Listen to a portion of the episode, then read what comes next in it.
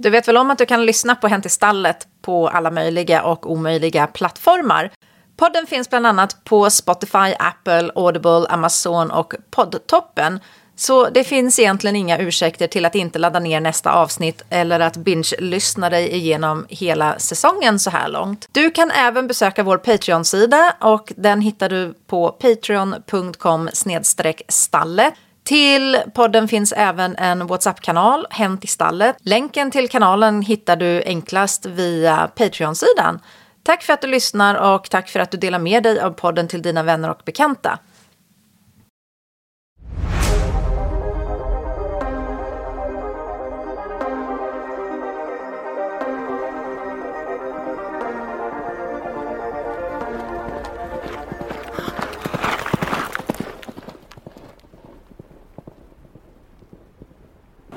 Det kan väl kännas rätt eh, passande att man sitter på en spånbal precis vid entrén till KVPNs eh, hingstshow efter en lång dag med hästar och mycket fin sport, många fina hästar. Eh, en av de fina hästar som fick en utmärkelse idag det var ju årets avelssto. En helt ny, eh, ett helt nytt pris som har instiftats och det delas ut till bästa avelsto i hoppning, dressyr, teuchparden och Schelderseparden. Och idag var det då naturligtvis hoppningen eftersom det var hoppdag här. Det var fokus på hoppningen idag.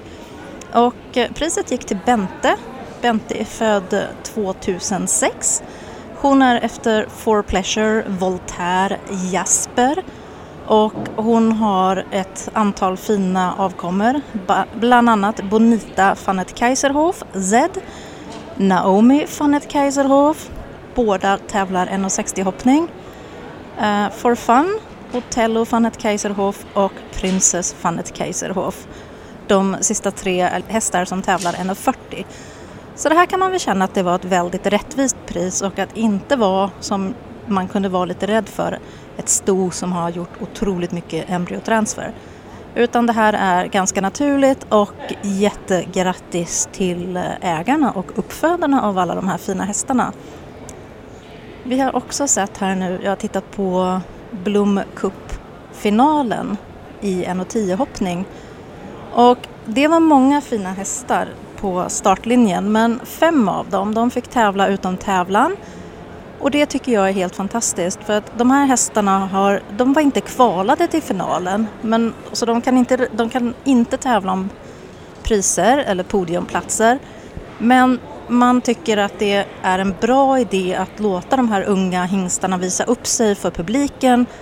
Att de får den här erfarenheten att de kan komma till en sån här tävling. Och det tycker jag man verkligen skulle fundera lite mer på överhuvudtaget inom sporten att man kan få tävla utom tävlan.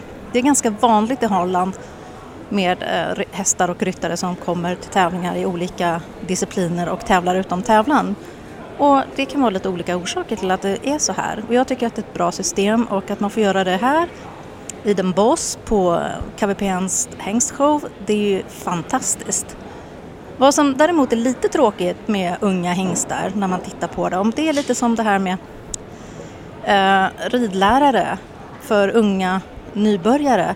Ofta har det ju varit så i, genom tradition att outbildade elever har fått eh, lektioner av outbildade ridlärare när det borde vara tvärtom. Och det är väl kanske lite det här problemet med unga hingstar och unga hästar också, att på lägre nivå så är det ofta amatörryttare som kvalar till tävlingar, till unghästklasser och till finaler och de här ryttarna kanske inte alltid har de credentials som de skulle behöva för att kunna lyfta upp de här hästarna på nivån och hjälpa dem runt. Så vi fick se några dåliga runder och några, ett riktigt dåligt beslut av en ryttare som fick ett stopp och sedan kom tillbaka när han hoppade hoppat färdigt klassen och skänklade upp hästen framför hindret och det är ju ingenting som vi behöver i sporten av idag. Vi har redan tillräckligt mycket problem. Det sitter dessutom skyltar runt hela arenan i den boss att det är förbjudet att eh, gå in på arenan och att det är straffbart enligt strafflagen och det beror ju på de här incidenterna som har varit med djurrättsaktivister under åren. Så att vi behöver kanske inte ha någon ryttare då som tycker att det är okej att skänkla på sin häst. Tack och lov hade han ju tappat spöet när det gick dåligt första gången på det här hindret så annars vet jag inte riktigt vad som hade hänt. Men ja, det är kul att titta på Bloom Cup. Det var kul att eh, årets avelssto fick en första fin utmärkelse.